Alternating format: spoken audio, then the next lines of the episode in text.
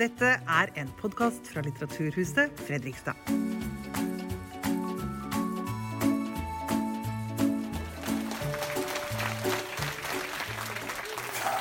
Hei, alle sammen. Klokka er slagen. Jeg heter Roy Andersen, og jeg er daglig leder her på huset. Og veldig eh, glad for å kunne ønske dere velkommen til nettopp dette arrangementet. For eh, på fredag som dere vet, så starter jo de olympiske vinterlekene i Beijing. Og på få år nå så har jo Kina uh, husa to eh, OL. Det mest prestisjetunge arrangementet som vel er i verden. Og Det er jo selvsagt ikke tilfeldig, eh, for det er jo, og det er jo ikke hvilket som helst land vi snakker om heller. Midtens rike oppsto for det er vel snart 4000 år siden, og har jo egentlig det store hele vært styrt av keiser til for litt over 100 år siden. Og I 1949 så grep Mao Zedong og kommunistene makten, og landet har vært styrt med ja, la oss si jernhånd siden den gang. Og De økonomiske reformene som kom på 80- og 90-tallet, de starta jo en vekst som verden eh, knapt har sett maken til. Så hva betyr det da for verden og oss eh, her i Vesten at skiregimet militært ruster kraftig opp? At de, mer, at de ønsker stadig mer geopolitisk makt i Stillehavsregionen og i verden? Samtidig som president Xi strammer grepet om egen befolkning og landet beveger seg i en mer autokratisk retning. Så hvordan reagerer USA på at deres dominerende plass i verden blir utfordret? Disse tingene skal vi snakke mer om her i kveld, og vi har med oss to som kan mer om temaet enn de fleste. Mange av dere kjenner jo Torbjørn Fjærøvik fra før. Han har eh, over 30 års erfaring som journalist, bl.a. for NRK, hvor han var utenriksmedarbeider eh, på 90-tallet. Eh, I 2009 så utga han boka 'Midtens rike en vandring i Kinas historie'. Og også gitt ut reiseboka 'Orientekspressen en vårreise'. Og nå under pandemien så har han begått to ny, helt nye bøker. 'Kina på 200 sider' og 'India på 200 sider'. Jan Arild Snoen han er eh, for mange kjent som journalist i tidsskriftet Minerva, men også som kommentator i Aftenposten, eh, i TV og radio, ofte for å gi oss bakgrunn på det som skjer i amerikansk politikk. Og Nå har eh, Jan Arild gått løs på en helt ny supermakt. For kort tid siden så kom han med boka 'Den nye kalde krigen USA mot Kina'. Og Her settes noen stormaktskonflikten inn i en historisk og geopolitisk sammenheng. Vi må vel nesten si godt nyttår, da. Eh, godt nyttår fordi at ja, men det er 1. februar. Eh, og kineserne de går inn i tigerens år. Ja. Eh, så det blir kanskje feiring, men i litt dempede former i Kina, får vi tro. Eh, men i alle fall så er det en viktig dag i Kina. Eh, og i Asia for øvrig. Dere er mange. Men jeg har lyst til å si én ting. Det er enda flere i Kina. For der er det nå 1,4 milliarder innbyggere. Eh, og folketallet i Kina ja, det, det, øker litt eh, nå, men ikke veldig mye. Det som nå skjer etter hvert, det er jo at India det kommer bakfra. Og om tre-fire-fem år så går India forbi Kina og blir det mest folkerike landet i verden. Så ja, men da vil det være to land der ute i verden med til sammen ja, 2,8 milliarder innbyggere. Mer enn det. Eh, Norge 5 millioner. Sverige eh, 10, ja, men det er 15 millioner til sammen. Men altså der ute i det store Asia, så mange mennesker. Eh, så det sier seg selv at de to landene vil få en enorm tyngde i verden i årene som kommer. Og særlig da Kina, selvfølgelig. Så det. Jan Arild, gratulerer med bok. Jo, takk. Ja. Her er litt av uh, ansatsen. Jeg må jo begynne med å spørre deg om én ting. Hvorfor ville du skrive denne boka? Ja, det springer nok litt ut av den USA-interessen min som det var nevnt her. Jeg skrev en bok i, på høsten 2020 om det amerikanske valget og Donald Trump. Eh, så jeg har jobbet mye med det. Men så ser vi nå de siste årene at den, det vi pleier å kalle den liberale internasjonale orden, som er dominert av, av USA, som er garantisten for den, blir nå utfordret av, av Kina. Eh, fordi Kinas makt øker både økonomisk, men også militært Ikke så mye kulturelt, men den øker. Og kineserne vil nå inn og prøve å endre spillereglene. Eh, og Det betyr at uh, dette er etter min mening et av tidens store spørsmål. Så jeg hadde lyst til å bruke et halvt år eller et år og gå grundig inn i det. Jeg har jo fulgt for så vidt Kina over lang tid, men ikke, ikke, på den måten du har gjort det, og ikke på den måten jeg har fulgt USA. Så det var mer å, å bruke det jeg kunne om USA og bygge på det videre. Og prøve å sette meg inn i det som har kommet av, av faglitteratur de siste årene, eh, for å trekke alt dette sammen. Eh, til en historie om, om, dette stormaktsspillet. Boka handler mest om Kina, eh, litt om USA og mye om spillet mellom de to. Men du kaller boka 'Den nye kalde krigen'. Eh, er det en kald krig som kan sammenlignes med la meg si, 1950-tallet eller 1960-tallet, ja, altså, eller er dette noe annet? Det er noe litt annet, men det er i hvert fall det er en rivalisering mellom to eh, makter. Etter hvert så blir det tydeligere og tydeligere at, at, Kina er ikke bare en stormakt som andre stormakter, men har ambisjoner om å være en supermakt og være en motpol til USA. Eh, og bygger opp da også begynner å bygge seg opp allierte og, og nettverk i både i vestlige land, men i mange andre land også. Eh, så det er en rivalisering mellom to samfunnssystemer mm.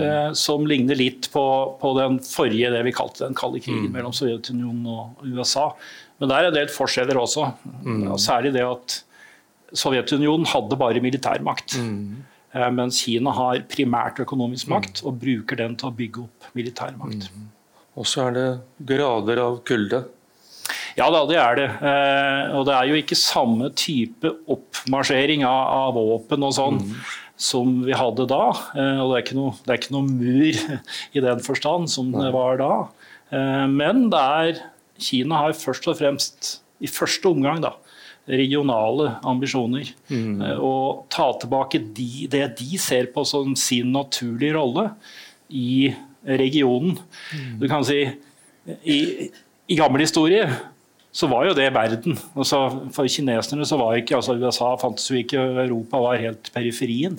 Så de, de, var i midten i det som var den kjente verden. Mm. Så deres ambisjoner er først og fremst basert på den historiske, eh, det historiske faktum. Men så kommer da neste fase, som er ja. å bli mektig også eh, på, på verdensbasis. Og disse to tingene skjer for så vidt parallelt. Ja. Jeg hadde tenkt å vise dere et fint bilde. Jeg vet ikke hvor mange av dere som har vært i Beijing. Nå er jo alle disse OL-deltakerne inne i denne loopen, eh, så de får ikke sett noe av denne byen i det hele tatt. Eh, jeg kan huske første gangen jeg kom til Beijing. Det var i 1974. Eh, på den tiden jeg holdt på med hovedfag i kinesisk historie. Eh, på Universitetet i Oslo. Og det var jeg, eh, læreren min, kona hans. Eh, vi ruslet ned til Oslo Ø, som det het den gangen.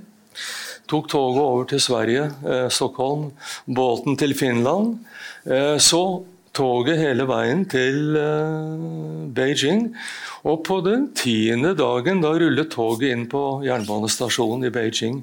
Den gangen, altså Beijing den gangen, det var en helt sånn grå, flat eh, by, kan vi godt si. Med disse tradisjonelle kinesiske hustakene. Eh, og det eneste som lyste opp den gangen, det var røde bannere og 'Lenge leve formann Mao', 'Ned med USA', alle de tingene. Eh, og den eneste musikken vi hørte, eh, det var musikken fra én million sykkelbjeller. Eh, det var disse sykkeltogene som dro oppover de store avenyene i Beijing. Den gangen hadde byen 7 millioner innbyggere. I dag er det mer enn 20 millioner.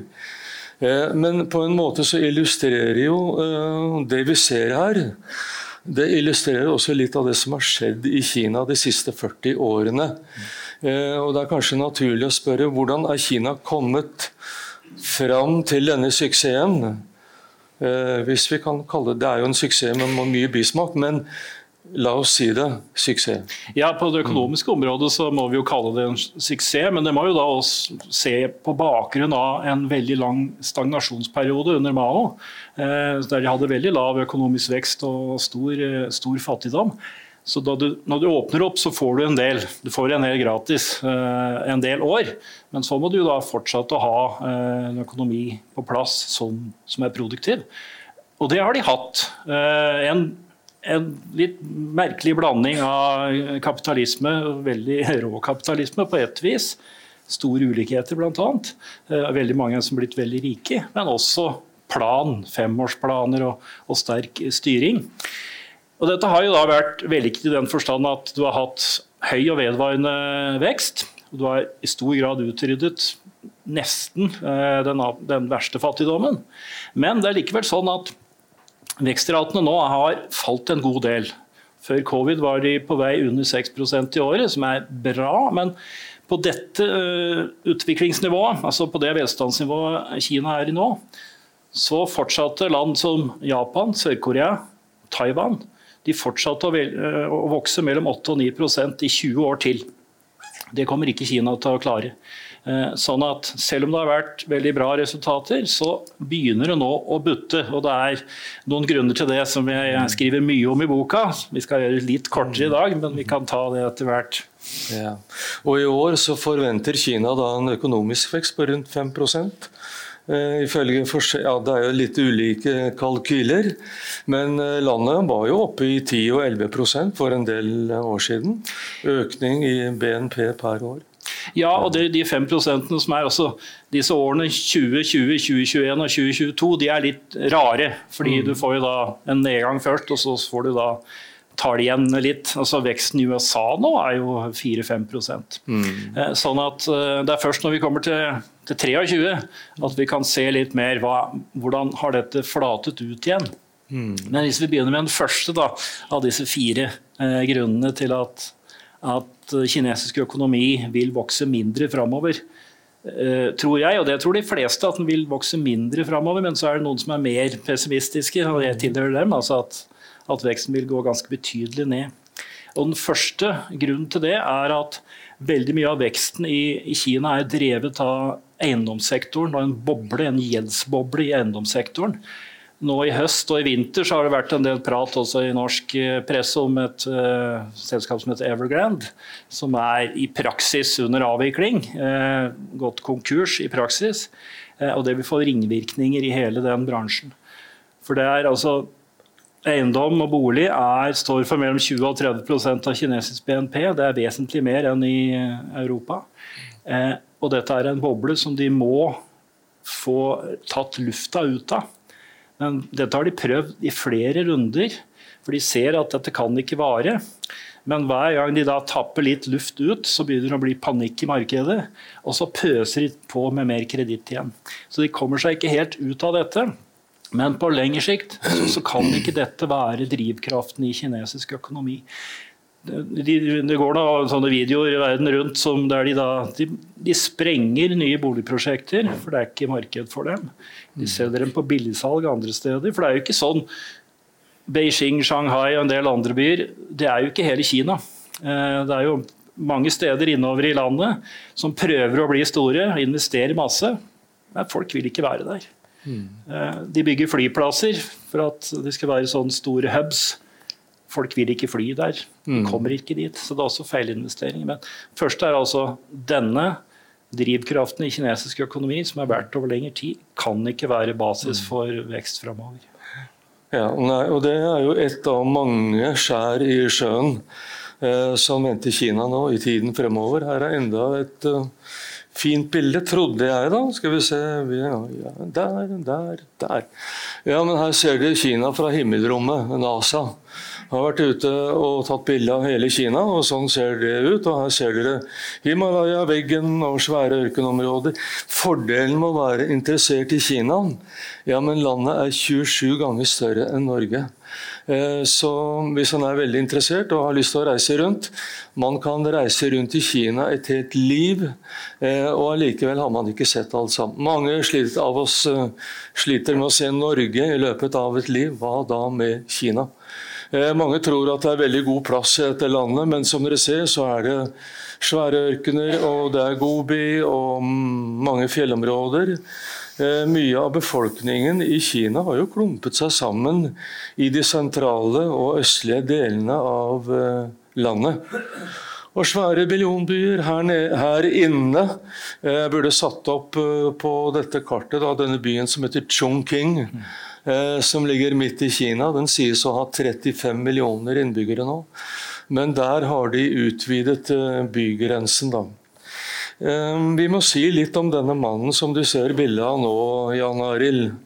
Dette er altså formannen for alt.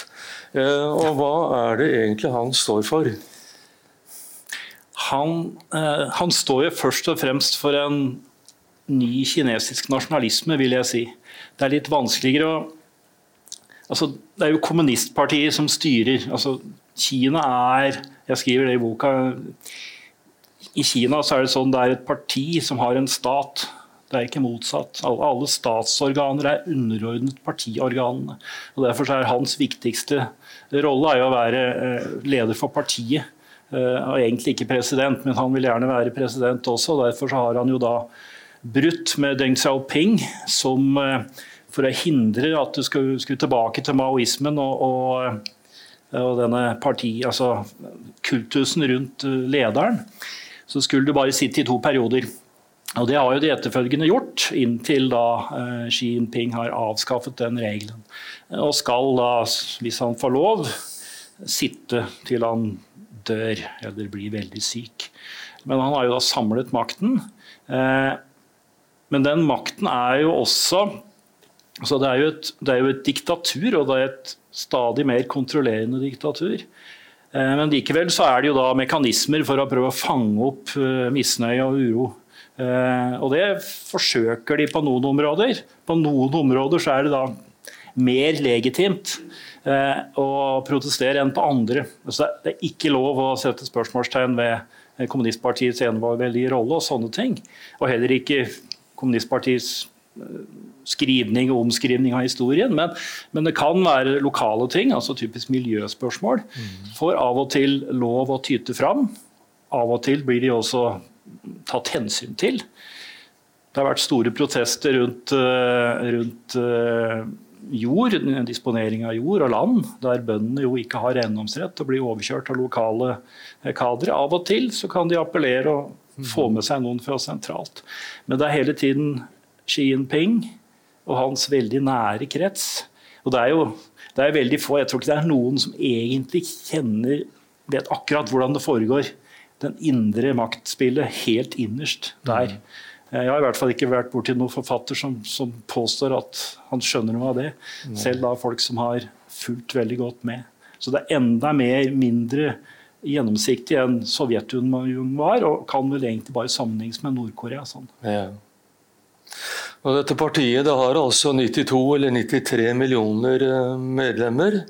Eh, og det får rundt en million nye medlemmer i året, så av og til så er jeg veldig glad for at jeg ikke har ansvaret for medlemskartoteket der. Jeg tror det kunne ha gått uh, veldig mye galt. Men um, hva, hvordan forklarer du at altså, mange ungdommer i Kina ja, men de vil jo bli medlemmer av kommunistpartiet. Det er kanskje den eneste aveny til eh, makt under eh, dette systemet? Ja, det er i hvert fall den klart enkleste, eh, hvis du først har kommet inn. Men det er jo også sånn at det er veldig mange som søker om medlemskap og som ikke får det. Mm. For dette skal være eksklusivt. Det har vært en betydelig endring de siste tiårene. Hvem som er medlemmer, det har blitt mye mer da, akademikere og sånt. Og det er jo, altså, eh, Folkekongressen er jo full av, av millionærer og milliardærer, altså næringslivsfolk, eh, som kommer inn. Og det er færre bønder og arbeidere og sånn enn det var før. for å si det sånn. Mm. Eh, men dette er jo et, åpenbart et karrieretrekk. Og også eh, hvis du skal være forretningsmann, så er det en stor fordel å være medlem av partiet. Mm. Og det blir vanskeligere og vanskeligere. De siste par årene har det vært en betydelig innskjerping på det. Eh, og jeg skriver i boka om, om Jack Ma, som er da sjefen, eller var sjefen for Alibaba, et av de aller største selskapene i verden. Eh, han i oktober i 2020 så holdt han en tale der han var kritisk til eh, finansreguleringsmyndighetene i Kina.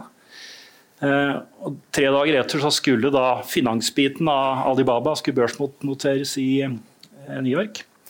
Det ble avlyst. Jack Ma forsvant, var borte i tre måneder før han dukket opp igjen og sa ingen, det var ingenting som hadde skjedd. Liksom. Mm.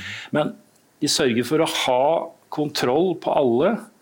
Kommunistpartiet skal ha kontroll på alle stadier, alle områder i samfunnet. Det fins ikke noe sivilsamfunn. Håper vi får tid til å snakke litt om OL og sivilsamfunnet etter hvert, for det er noe som Solberg-regjeringen lærte av, av, Kina. Det finnes ikke noe uavhengig sivilsamfunn, vi kan beordre idretten. Eh, men sånn er det. Det fins ikke noe uavhengig. Det fins ikke noe uavhengige veier fram. Og Derfor er da medlemskap i kommunistpartiet så viktig. Mm. Ja, Du var jo inne på dette med at uh, Xi Jinping han er veldig nasjonalist. Kanskje mer nasjonalist enn sosialist. Uh, ja.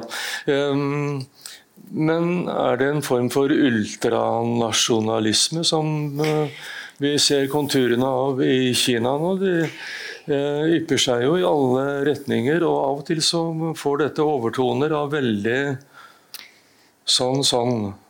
Ja, vil... Kina var jo en gang i tiden midtens rike, og er i ferd med å reise seg igjen. og det er kanskje sånn at uh, lederne i Kina nå ser at ja, men vi er i ferd med å vende tilbake til der hvor vi en gang var. Uh, og dermed så kan vi begynne å ta oss litt til rette. Ja, det er klart at uh, altså, under Deng Xiaoping så var den kinesiske utenrikspolitiske doktrinen var at man skulle, man skulle, sitte stille og vente til tiden var inne. Skjule sine kapabiliteter, hva man var i stand til, inntil man var sterk, man, man var sterk nok. Eh, og det har da etter hvert forsvunnet ut. Og det ble slett strøket av partihistorien nå i fjor.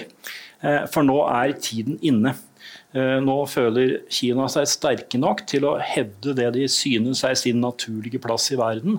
Jeg vil ikke kalle det ultranasjonalisme, jeg syns det er for sterkt eh, så langt. Men først og fremst så dreier dette seg om å, å gjenerobre det som, som kommunistpartiet ser på som det naturlige Kina, selv om. Altså. Og det betyr da Hongkong, der de da har brutt avtalen med, med britene. og reglene for at, for at de skulle ha sitt eget regime mye lenger.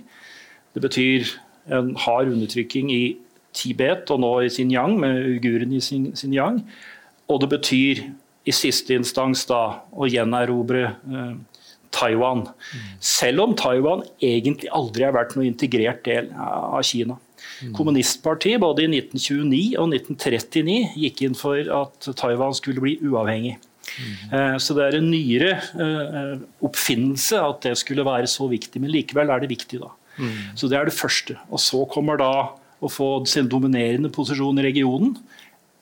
Ikke primært ved å erobre, eh, ikke ved å lage et imperium, men ved at de skal være en slags vasaller, sånn som det i stor grad var i mange hundre år tilbake til det.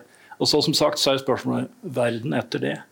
Eh, men foreløpig så er det jo sånn at de har jo ikke, eh, de har, de har ikke gått til krig siden 1979 mot Vietnam. Eh, for de har vært forsiktige, og da fikk de seg en på trynet, rett og slett. De vant ikke den krigen mot lille Vietnam. og Derfor så vet vi heller ikke særlig mye om hvor gode de, de væpnede styrker, som da ikke er Kinas hær, det er kommunistpartiets hær, det er ikke staten, det er kommunistpartiets hær. Altså folk flest sin hær, kan man kanskje si på norsk. Vi vet ikke hvor sterke de er. Og de vet ikke hvor sterke de er. Og Det tror jeg er enda viktigere. For Hvis vi snakker om en trussel mot Taiwan, som er nærliggende, så er noe som vil kunne holde dem tilbake, er at de er genuint usikre på hvor sterke de faktisk er. Mm.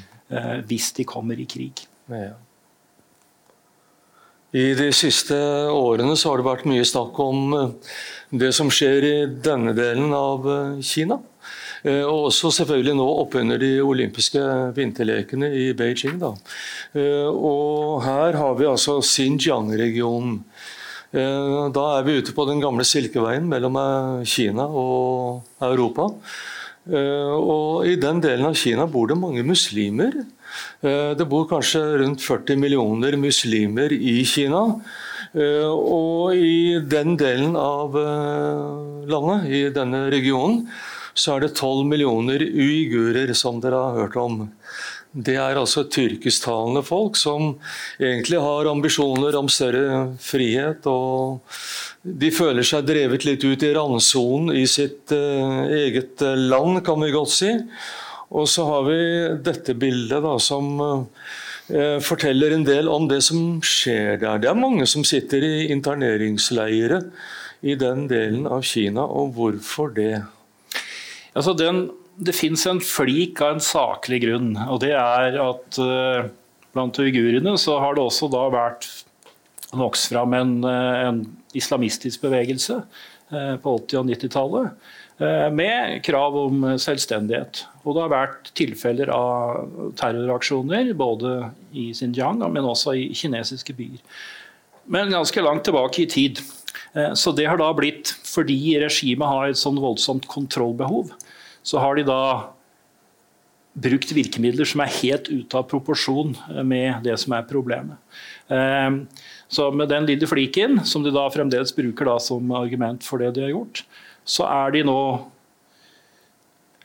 satt i gang et kontrollregime som, som, jeg tror vi må tilbake til, til Mao i Kina eller da Nord-Korea eh, for å finne no, noe lignende, der det da betydelig grad av overvåkning ikke bare med noe, altså ansiktsgjenkjennelse og avlytting av telefoner og sånne ting, men det kommer altså et, en, en, representant for partiet hjem til deg og bor hos deg en uke eller to for å passe på at alt er i orden.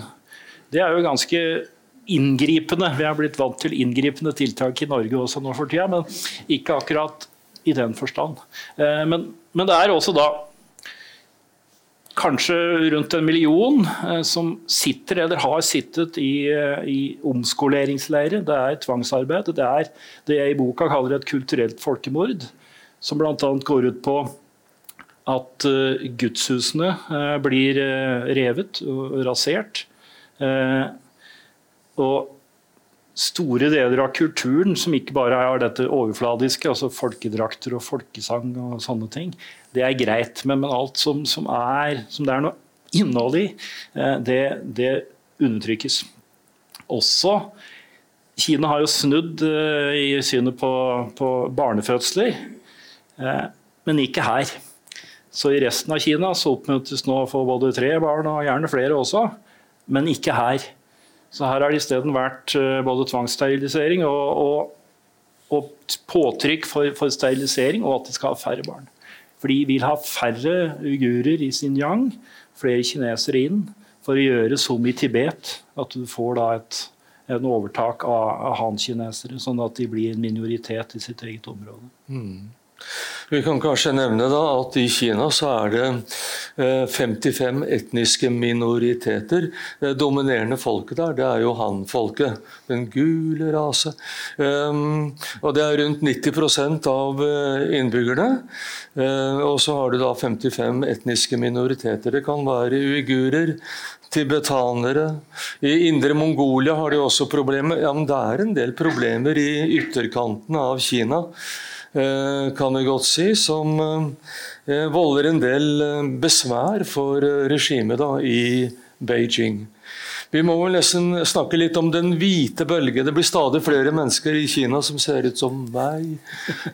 De har grått hår og grått skjegg og alt mulig. Og Kina begynner å få en litt sånn alderstung befolkning. Her ser vi jo litt hva som skjer. Og dette er bare ett av mange skjær i sjøen nå for dette regimet. Det ser litt skummelt ut. Ja, så dette er jo Av disse fire grunnene mine på at økonomien vil vokse mindre, så er dette en av de. Eh, og det er denne eldrebølgen som er altså Vi har jo dette i Vesten. Eh, vi har det stort sett i alle land, bortsett fra Afrika. Eh, så er det samme ting som skjer, men det skjer i større grad i Kina. Altså Antallet og andelen av befolkningen over 70 kommer til å bli tredoblet fram til 2050. Eh, og det er mye mer enn det er selv i land som, som Tyskland. Eh, så arbeidsstyrken har allerede begynt å falle. Eh, og nå fem, mellom 2025 og 2035 så er anslagene at det vil bli 7 millioner færre arbeidstakere hvert år. Så arbeidsstyrken krymper, det blir flere som skal forsørges. Eh, og i Kina så finnes det ikke innvandring. Altså det, er, 600 000. Det er, er flere innvandrere på Taiwan enn det er i Kina. Og dette er da et, et virkemiddel som de ikke eh, vil ta i bruk.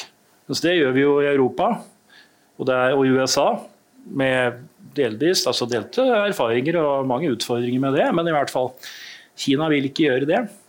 Eh, så de kommer til å få et problem både med på produksjonssida, men ikke minst på de som skal ha omsorg.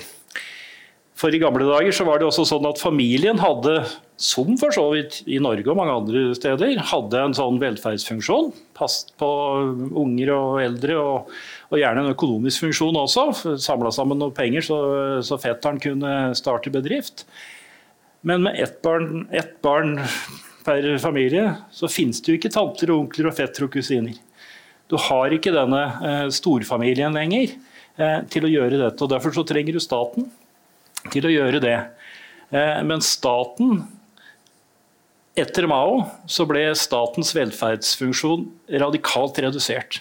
Statsbedriftene, under Yang Zemin særlig, så grad av privatisering. Og de private tok ikke med seg de forpliktelsene som de gamle statsbedriftene hadde. Så du fikk da egentlig noe som ligger altså, langt til høyre for alle partier i Europa når det gjelder syn på, på statens rolle. Eh, og mye mer privat eh, velferd.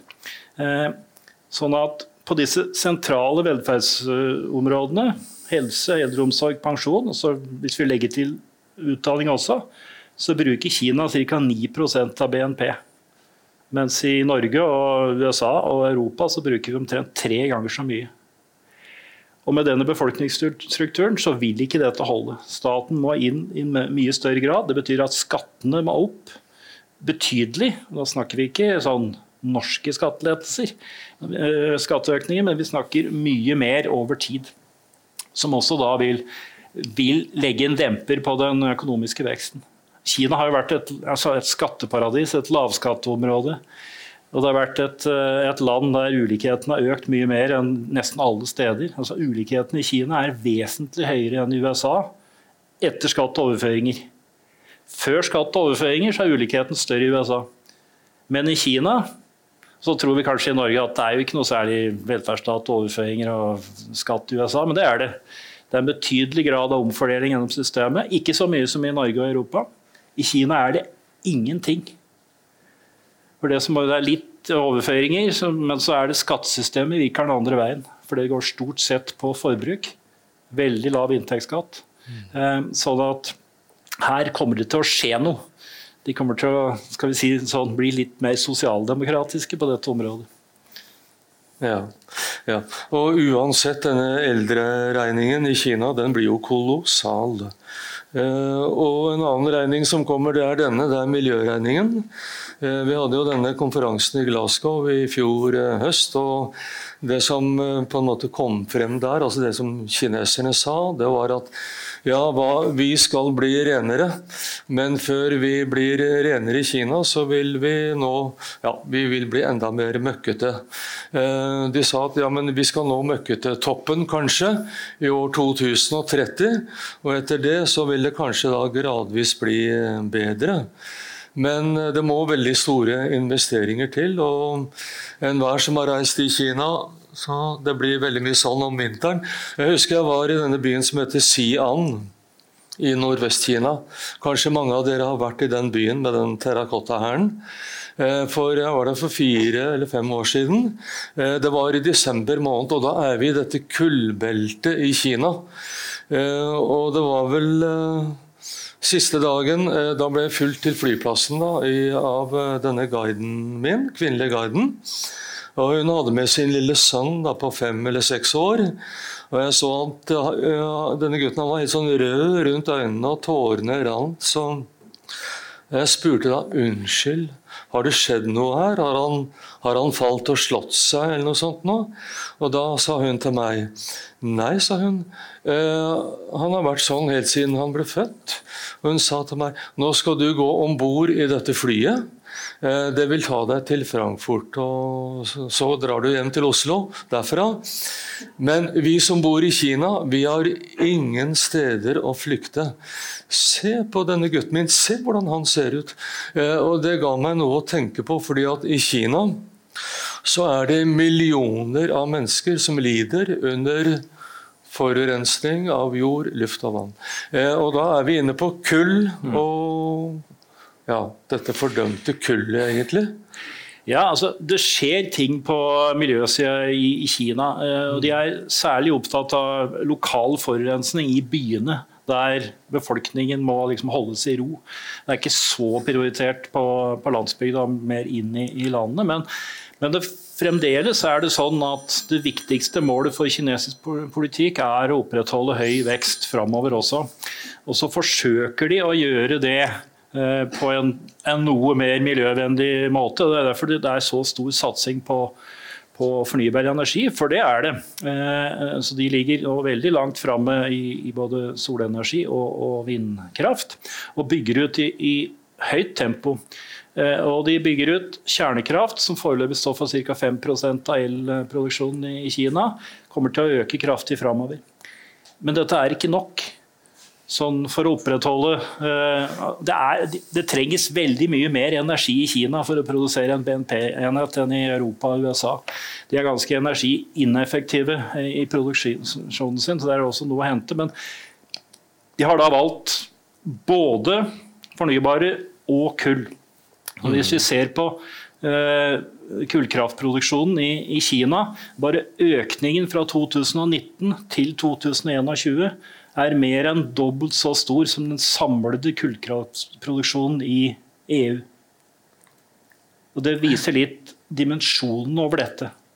Altså EU kunne ha stengt absolutt alle kullkraftverkene sine, og det hadde hatt mindre betydning enn det Kina har gjort på bare to år. Og dette fortsetter. Og det vil fortsette en del år til. Eh, men det er noen drivkrefter som vil trekke i riktig retning. Én ting er dette at hvis du gjør noe med kullet, så får du også lokale fordeler. Det er ikke bare eh, kloden.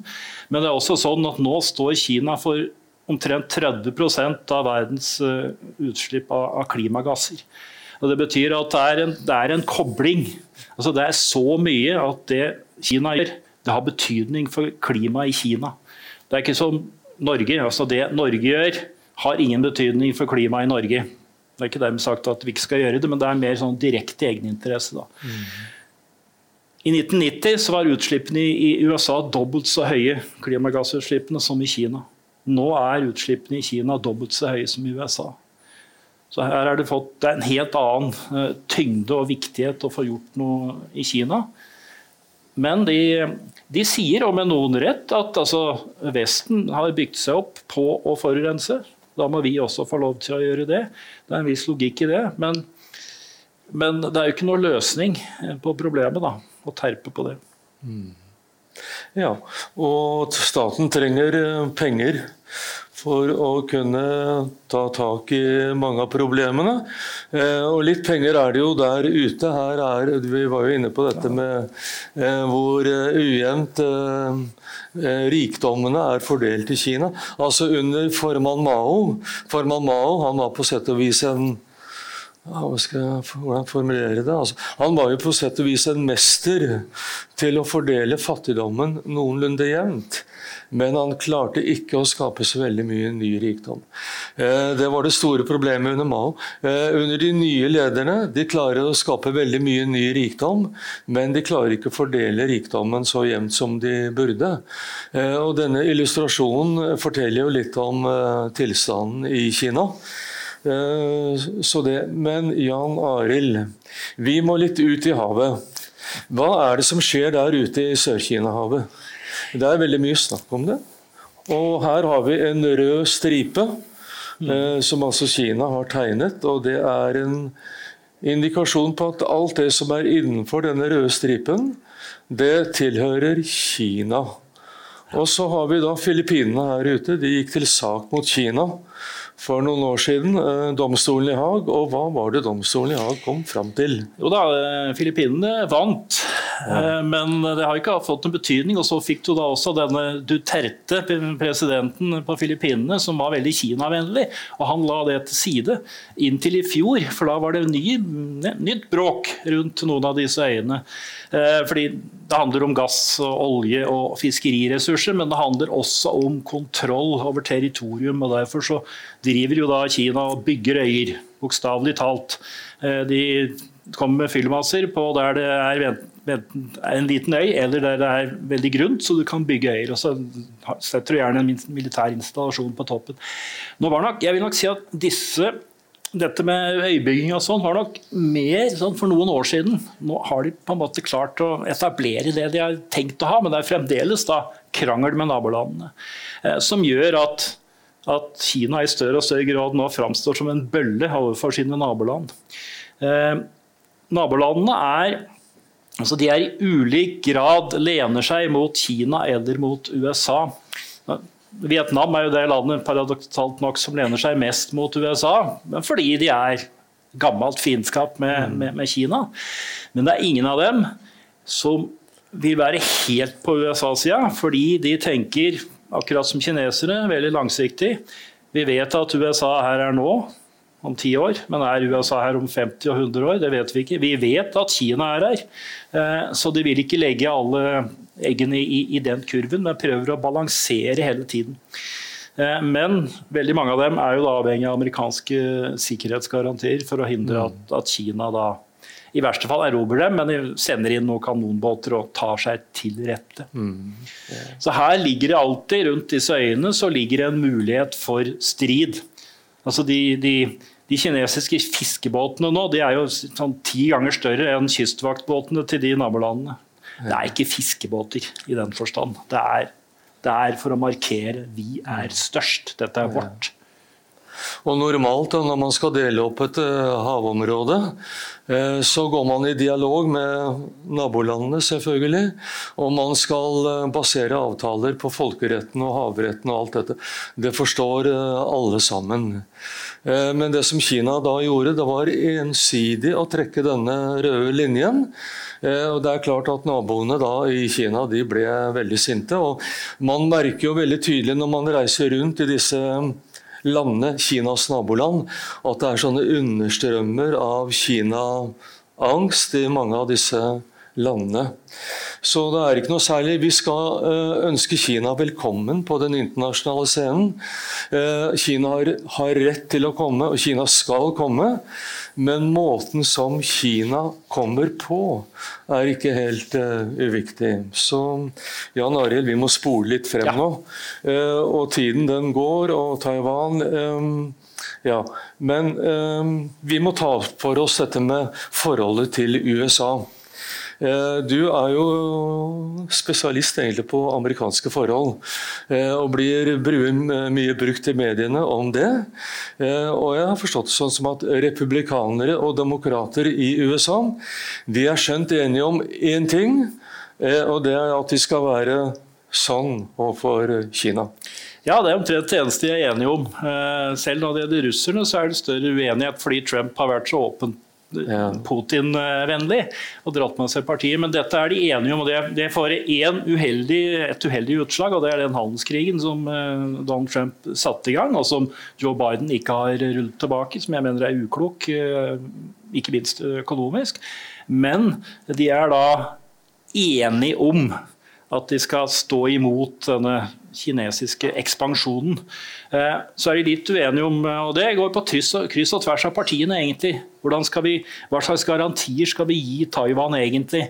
Og Der er det en debatt. Skal vi være eksplisitt? Si at ja, hvis de, de blir angrepet, så kommer vi til å gripe inn eh, militært. Eller skal de ikke gjøre det og beholde en litt sånn fleksibilitet og, og uklarhet rundt dette? Men, men, vindene blåser i retning av å være mer eksplisitt i å si at vi skal forsvare eh, Taiwan. Fordi eh, Kinas press mot Taiwan øker eh, fra år til år. Og de har som helt eksplisitt mål å overta i Taiwan innen 2049, for da er det 100-årsjubileet for kommunistpartiets maktovertagelse. Men det er ganske langt fram i tid. Så det er, det er fleksibelt, kan du si. Men de har stadig sender, sender jagerfly inn mot Taiwans territorium for å markere. Og så er Taiwan, Det var noe som overrasket meg da jeg gjorde research for boka. Taiwan har et ganske solid forsvar kan ikke måle seg mot eh, Kina, men de har bl.a. 400 jagerfly. Eh, og de har også fordelen av å være på hjemmebane. Og det er også sånn som overrasket meg litt. Altså, du kan invadere bare to ganger i året. To måneder i året. Været er så dårlig i Taiwan-stredet at du kommer ikke over der. Og Det gir også en fordel. Så det er, det, er, det er, litt tilsvarende det vi ser nå i Ukraina og, og, Russland. Hvis Kina vil gå inn og ta Taiwan, så vil de nok kunne klare det, men det vil koste dem dyrt. Det vil koste dem så dyrt at det kan til og med være destabiliserende. Det er vanskelig å se nå at kommunistpartiet og Xi Jinping skal miste makten, men det er to ting på lengre sikt som kan føre føre til dette. Det ene er økonomisk stagnasjon kombinert med denne enorme ulikheten som du har. Så lenge alt går oppover, så er ikke ulikhet noe politisk problem, men det blir et problem hvis det stagnerer. Og det andre som kan, eh, kan felle regimet, er et utenrikspolitisk eventyr som går feil. Altså et militært angrep på Taiwan som mislykkes. Så Derfor så tror jeg at eh, faren for et sånt angrep er ganske liten. Fordi Xi Jinping er veldig usikker på om han faktisk vil få det til. Og han er ganske sikker på at hvis han ikke får det til, så er det slutten på Xi Jinping. Og kanskje også på regimet. Så, så, hvis de er nøkterne, så vil de ikke foreta noe hjemtur. Men det er litt det samme som med Putin. Vi vet ikke helt. De har andre drivkrefter også. Ja. Nå går tiden, og det skal åpnes for eh, spørsmål fra dere. Eh, det er litt skummelt å tenke på. altså Kina og USA det er de to viktigste landene i verden. Og nå så snakker de nesten ikke med hverandre, eller samtalen er den samtalen som er, den er veldig dårlig. Ehm, det er skummelt å tenke på. Ehm, men Norge ønsker et eh, bedre forhold til Kina. Ehm, vi hadde jo denne avtalen som ble signert i 2016. Da ja, vi var i fryseboksen i seks år, det husker dere. Så signerte da regjeringen dette dokumentet i 2016. Det var jo i og for seg et litt underlig dokument, fordi at normalt når to parter forhandler, eh, så er det jo sånn at man, man gir og man tar. Man gir og man tar. Og man gir og man tar. Men det som var veldig tydelig da, i dette dokumentet, det var jo det at det var eh, vi som ga og ga og ga, og mm. Kina tok.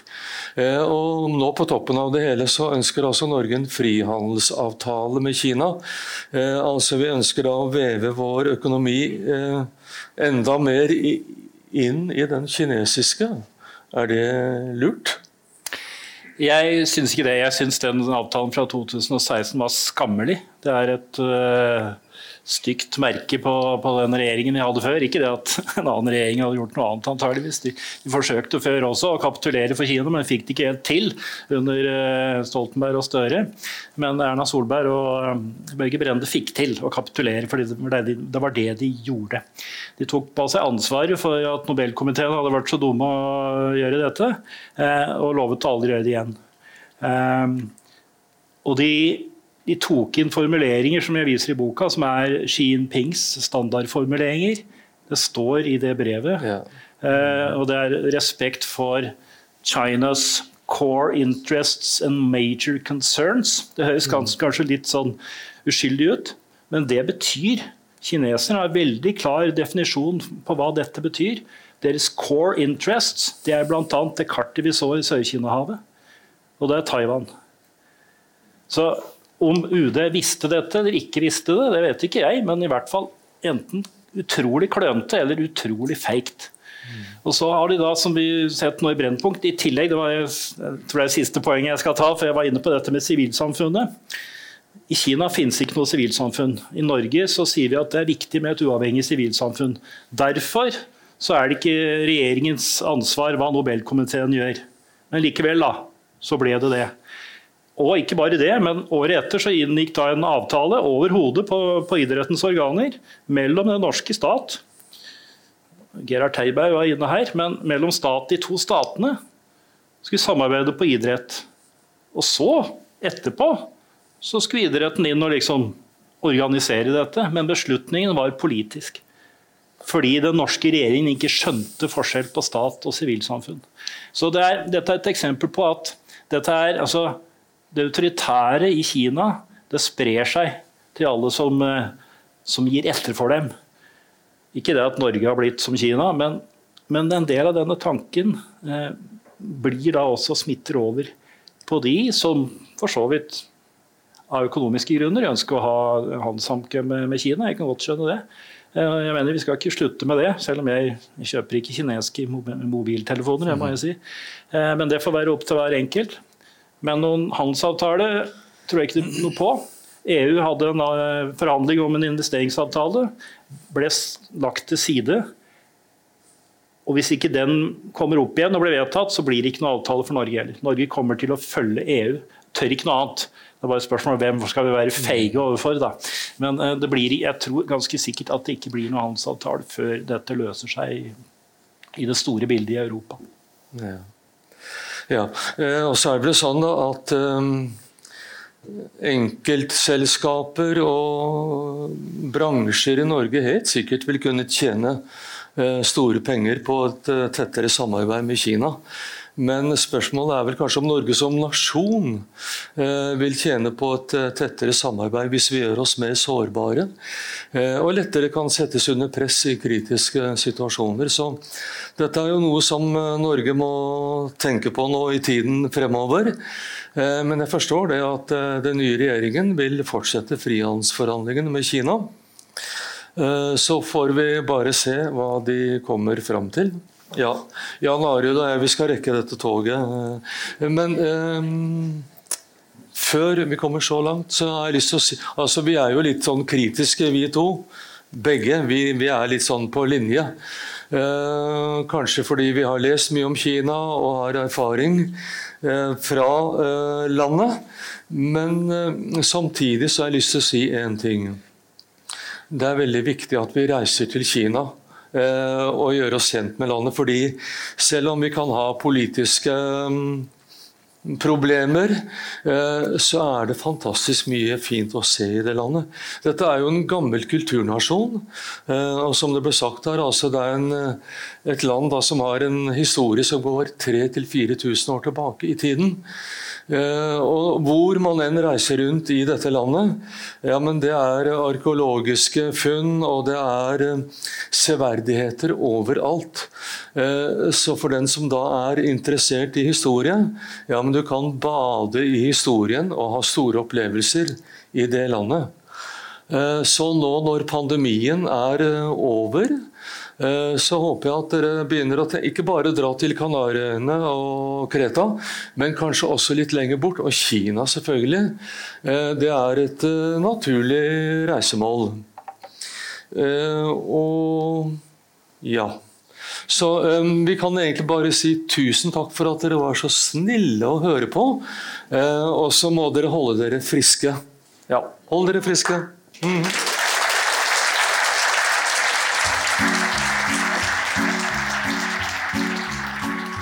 Du har hørt en podkast fra Litteraturhuset Fredrikstad. Vi er støttet av Kulturrådet, Fritt Ord, Fredrikstad kommune, Fredriksborg eiendom, Viken fylkeskommune, Sparebank1 Østfold Akershus, Verksted AS, Fredrikstad Energi og Handelsbanken.